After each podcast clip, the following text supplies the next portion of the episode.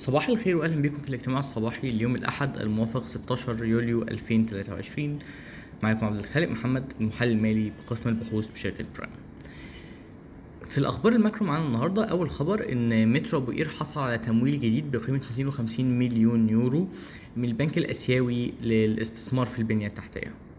وده جزء من إجمالي التمويل اللي بقيمة 1.6 مليار يورو اللي اللي جه من كذا طرف منهم آه، البنك الأوروبي للاستثمار وكمان الهيئة الفرنسية للتمويل والتطوير. آه، شركة ألستوم آه، تنوي استثمار 300 مليون يورو في مصنعين جديدين ببرج العرب.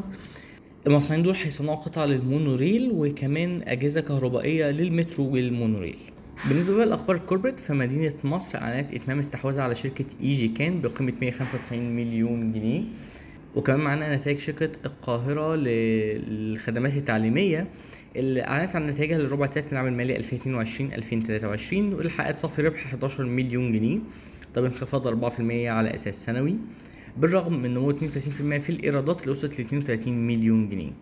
هامش مجمل الربح انخفض بنسبة 2% على أساس سنوي ل 52% وآخر حاجة معانا نتائج شركة القلعة للربع الأول من 2023 اللي هيكلمنا عنها زميلي عمر طه.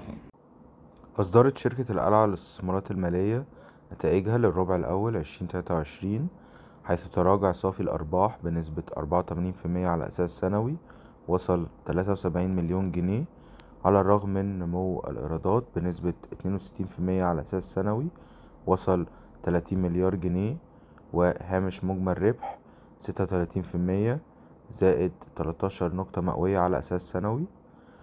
كان نمو الإيرادات مدفوعا بشكل أساسي لنمو إيرادات الشركة المصرية للتكرير بنسبة 71% على أساس سنوي وساهم 77% لإجمالي إيرادات القلعة نتيجة زيادة حجم مبيعات زيت الوقود ووقود الطائرات.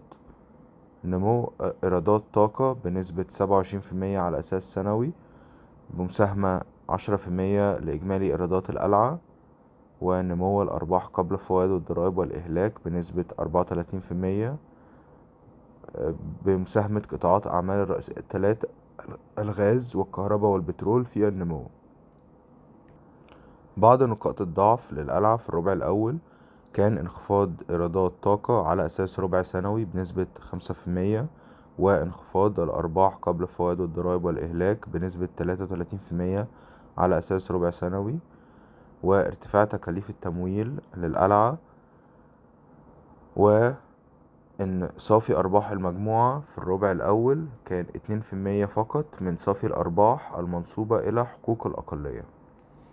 تحول القلعة إلى إعادة هيكلة آه، الالتزامات ديونها ويمكن أن تقدم أصولها كازداد للديون مع خيار لشرائها مرة أخرى في وقت تاني زي ما عملت مع طاقة. وأخيرا حددت القلعة إنها تدرس استثمار في مشاريع متوسطة تعتمد على التصدير وتكون صديقة للبيئة.